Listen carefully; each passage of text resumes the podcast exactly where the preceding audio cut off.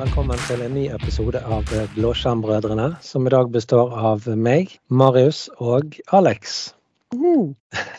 I dag har vi et tema som engasjerer i hvert fall oss eh, ganske kraftig. Dessverre, bare for å få sagt det, vi har ikke med oss Olav i dag. Han er nok et offer for denne pandemien som eh, raser gjennom landet. Men eh, han, han har det vel etter forholdet bra, tror jeg. Ja, ryktene skal ha det til at han kommer tilbake til neste, neste sending. Ja, det, og det er bra. Så i dag skal vi snakke om dette med passord. og passwordless. Og det har jo vært en, en lang periode med, med, dette her med nå er det viktig å ha et godt passord, du skal ha et sikkert passord, du skal ha alt mulig. Og så, for en del år siden, begynte noen å snakke om noe som het passwordless og the password is dead. Det er faktisk, jeg har, eh, jeg har lett litt gjennom uh, interveven og funnet ut at det, det, er ganske lenge siden den tanken kom opp. da. Men vi som driver med Windows og Microsoft, vi har jo fått det mer og mer i det siste. At vi skal endre tankegangen fra å bruke passord til å ha en passwordless tankegang. Og hva innebærer egentlig det, Marius? Ja, det er jo det er jo engelsk, så det, betyr jo at du Ikke sant?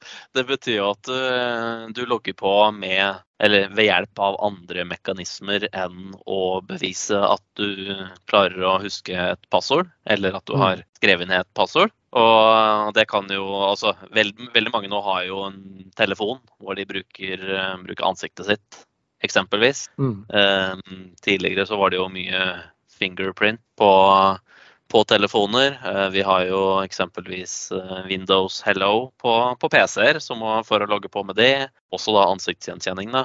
Og, og, at den, på en måte, det, det beviset av identitet, da, det holder for å komme videre inn på forskjellige eksempelvis eh, ressurser som arbeidsplassen din skulle ha gjort tilgjengelig mm. for deg. Da. Men det gjelder jo også privat. sånn inn mot forskjellige uh, løsninger uh, der. Mm. Men hva, Er det noe galt med å bruke passord da, Alex? Er ikke det, passord er flott, ikke det? Ja, så Det er mange fordeler med å bruke plass passord, men det, det som er en fordel, er jo òg en ulempe. Det er jo ingen gjensidig enhetlig bare positiv ting. Ulempen med passord er jo ekstremt mange. Den ene er jo det at man kan jo bare begynne å gitte seg fram til passord.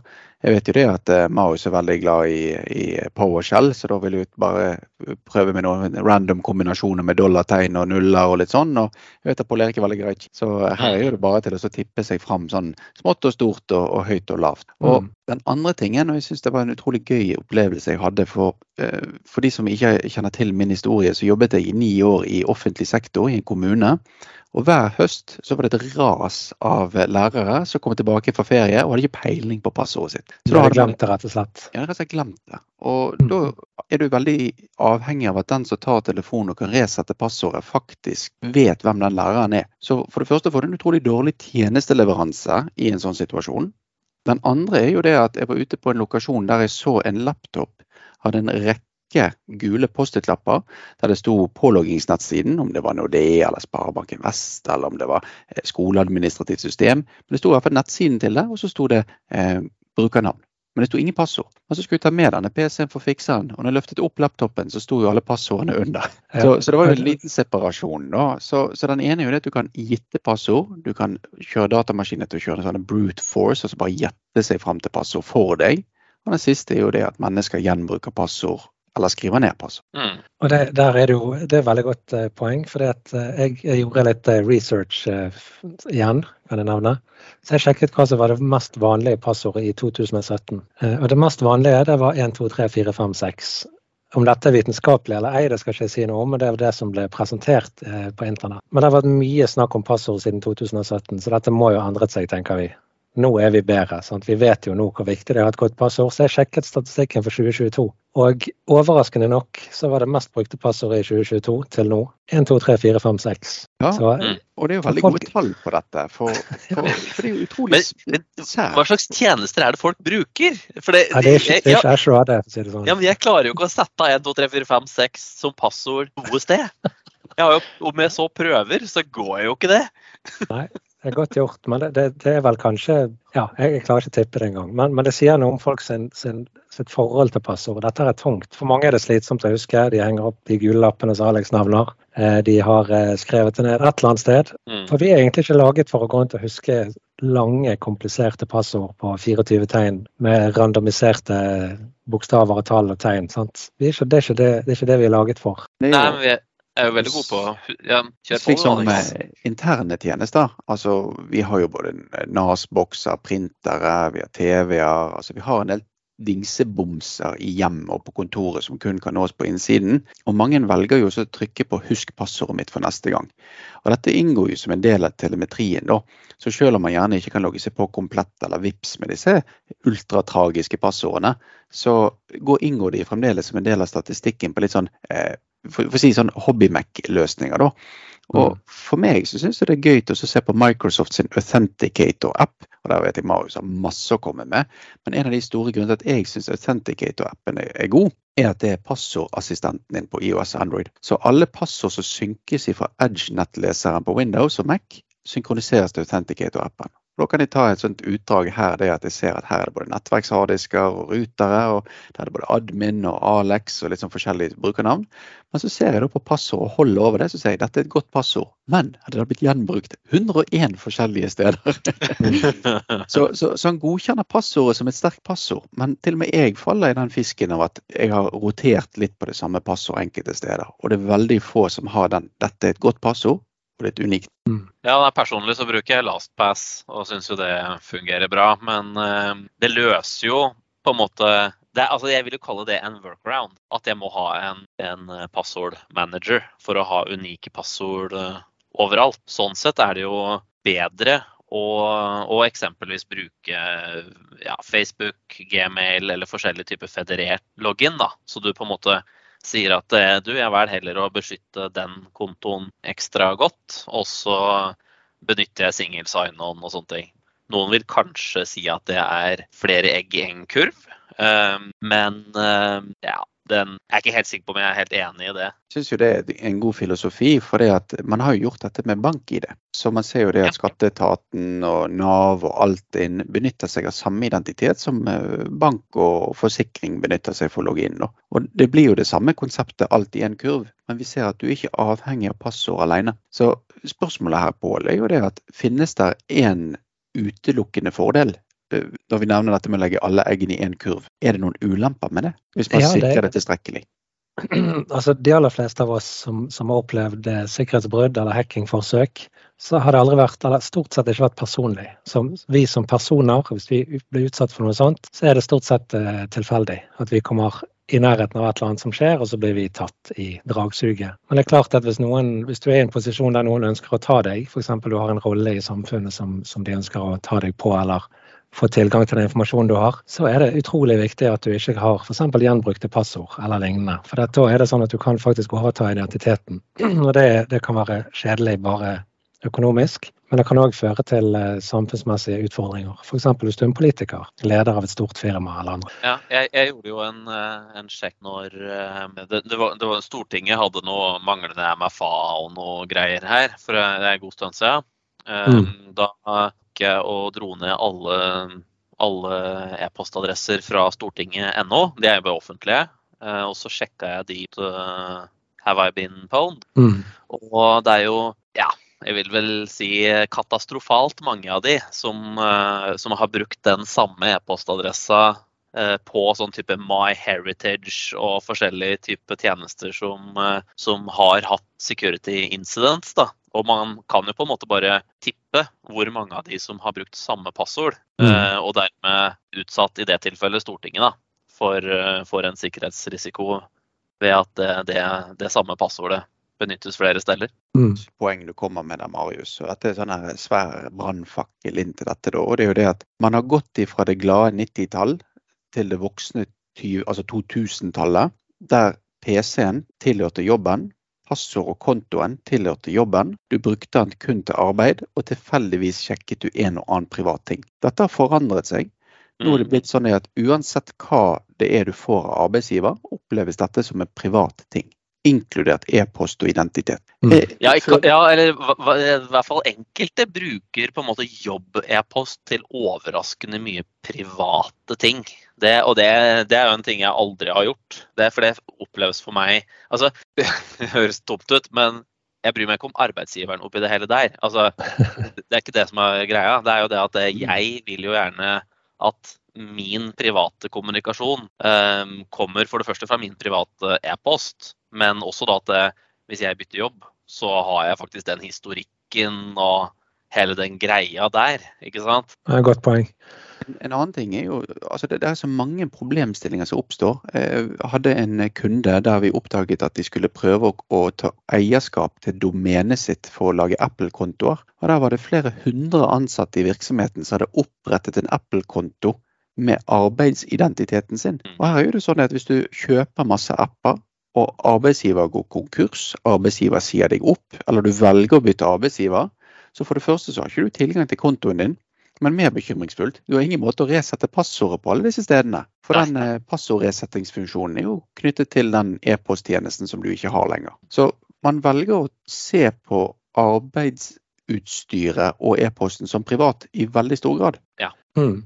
Men Ok, Skal vi gå bort fra den tankegangen der vi sier at et passord er trygt? Nå har vi snakket en del om konto, og det er jo egentlig et tema i seg selv. Men skal vi gå bort fra den tankegangen at et passord egentlig er trygt så lenge det er komplekst nok? Det, det finnes en del sånn som gjenbruk og alt dette her eh, kommer i tillegg. Ja, mm. absolutt.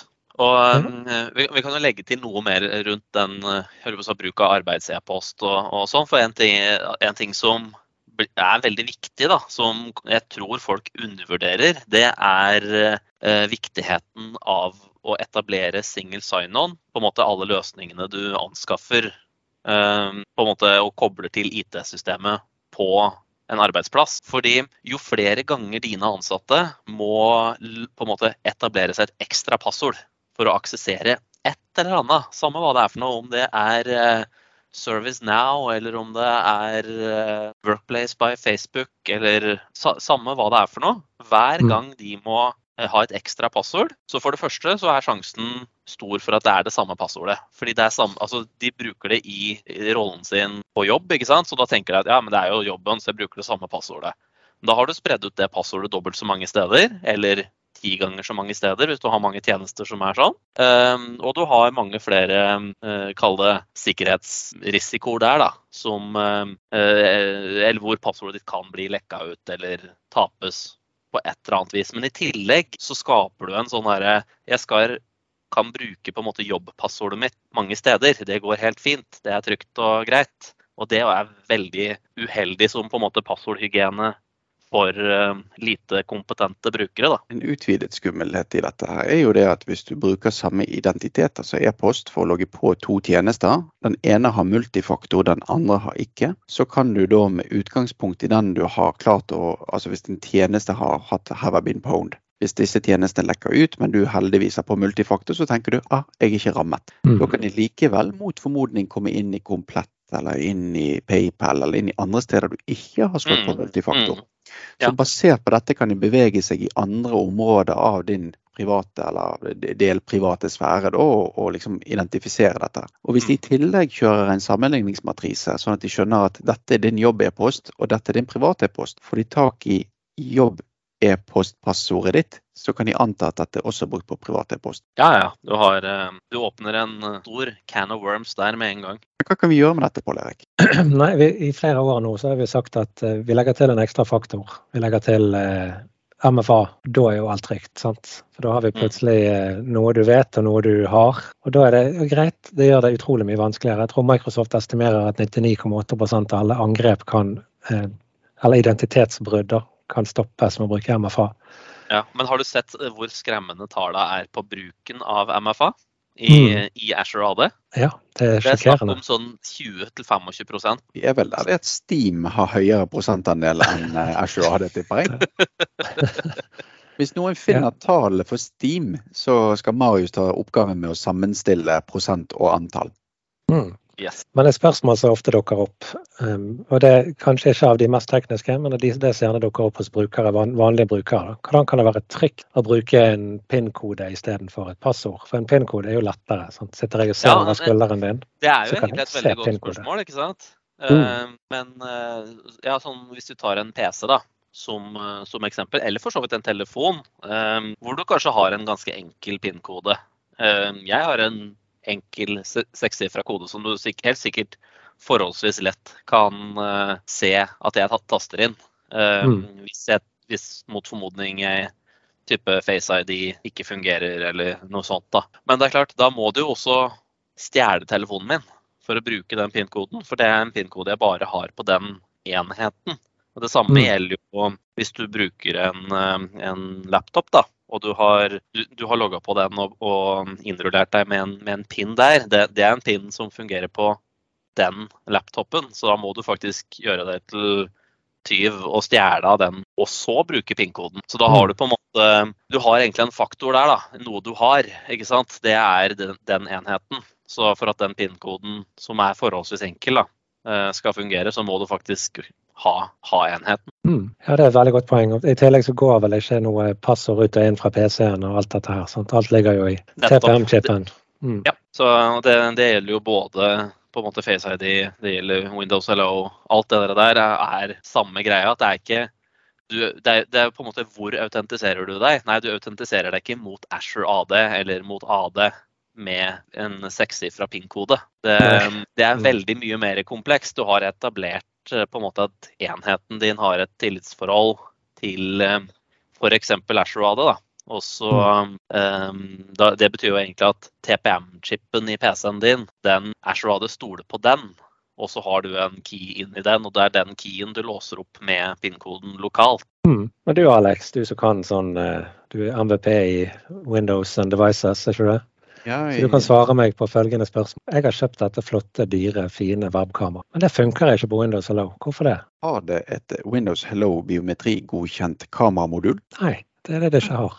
og det, det, er en sånn interessant ting. Og, og jeg så en gang en, en, video om dette med Windows Hello og ansiktsgjenkjenning. Og dette er ikke unikt for Microsoft. Apple bruker det, og, og Android, Google bruker det i sine telefoner og sånt. Men det sendes altså ut et infrarødt lys på veldig mange av disse kameraene, sånn at det fungerer også i mørket. Og så kjenner det igjen en del matriser som gjør en algoritme, sånn at de skjønner for det første at det ikke er et printet bilde av Pål Erik. Da får vi igjen den utfordringen med at eh, printer er din venn. Så uh, ender vi opp med å sørge for at han sjekker at du faktisk er du, om du har briller eller ikke på. Så det er jo ganske mye intelligens i disse kameraene da, som, som sjekker dette. Men uh, er det noen som vet hvor den teknologien med Windows Hello for Windows kommer fra? Ja, Kinect, ikke jo. Xbox. Xbox 360.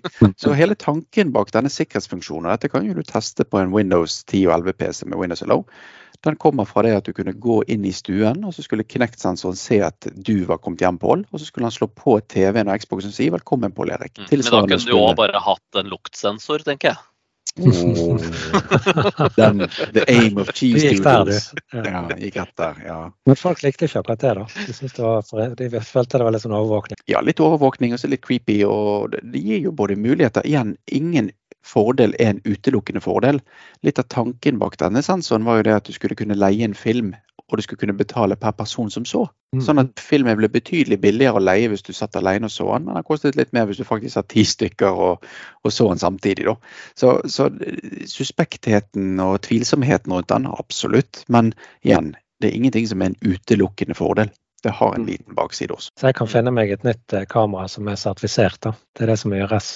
Det kan du. Men i det tilfellet der har man gått til anskaffelse av et webkamera som ikke har Windows Hello, hvis man ikke har lyst til å kjøpe et nytt kamera som har Windows Hello, så er jo spørsmålet om man heller skal kjøpe seg en Fido 2-nøkkel som har fingerprint. Ja, for nå kommer vi til neste steg i denne litt intrikate episoden. Mm. Hvordan eh, kan vi bruke disse altså Vi, vi har jo Windows Hello. Vi mm. har eh, med kamera, med fingeravtrykk, med PIN-kode osv. Men vi har òg ja, litt andre måter å autentisere på. Du har en enhet som på en måte du har innrullert. Det er mm. på en måte eh, Du har jo kall det utvide Ashore-radet ditt inn i hver enkelt enhet som, eh, som eh, har innrullert seg. Da. Så, mm. så, det fordrer det. Men så er det noen andre mekanismer som, eh, som kan benyttes. Og da nevnte jo du, Alex, Fido-nøkler. Jeg sitter og ser på en nå. Den er i Jeg må innrømme, sjøl om den sitter veldig lett tilgjengelig, den bruker jeg sjelden, altså. Det, det, fungerer veldig fint. Så det er jo på en måte en, Sånn som i, i Azure AD, da, så kan du jo da gå inn og registrere den nøkkelen. Sånn at det er på en måte et ekstra credential, eller en ekstra måte du kan uh, bevise at du er deg sjøl på. Så basically på brukeren din i, i Azure AD, eller Microsoft-accounten din og sånne ting, så, så, kan du da på en måte registrere den, den nøkkelen. Og den har jo også da en innebygd sånn sikkerhetschip. da. Så da, da kobler du I mitt tilfelle så har jeg en sånn USB sak. Det finnes jo noen NFC-muligheter og sånn også. Eller den har vel både NFC og USB, den jeg har. YubiKey-sak. Så du legger den på NFC-leseren eller stopper den inn i USB-en. Og så når du da taster inn brukernavnet ditt, så sier du du, jeg har en sånn nøkkel. Og da har, da har den, den USB-en den har da en, um, en satt PIN-kode. Så jeg taster inn den PIN-koden. Så det er samme konsept som, uh, som med Windows LO hvis du bruker PIN. da. At uh, da har du egentlig på en måte etablert det, det, den relasjonen. Og så beviser du at du har både på en måte en PIN-kode og en enhet samtidig. Mm. For Det er vel et poeng. Det er faktisk alle maskiner som har den gode, gamle USB-en lenger. sånn som min Mac f.eks., der det ikke er plass til min, eh, min Fido 2-nøkkel. Ikke sant. Det, jo, det, finnes jo Fido-nøkler fra forskjellige produsenter, og, og, alt etter hva som tilfredsstiller ditt sikkerhetskrav, er jo å finne den som passer for deg. Men det finnes med USB-C, det finnes med Apple Lightning, blåtann, NFC, USB. Ja, hva annet finnes da? Sikkert noe Firewire, hvis du spør og, og ber om. Men, Nei, det tror jeg faktisk ikke. men, men, essensen her, uansett, så er jo det da sånn det at en Windows Hello eller en Face ID på en iPhone eller tilsvarende på Android, så er det allerede betinget at du har logget på enheten.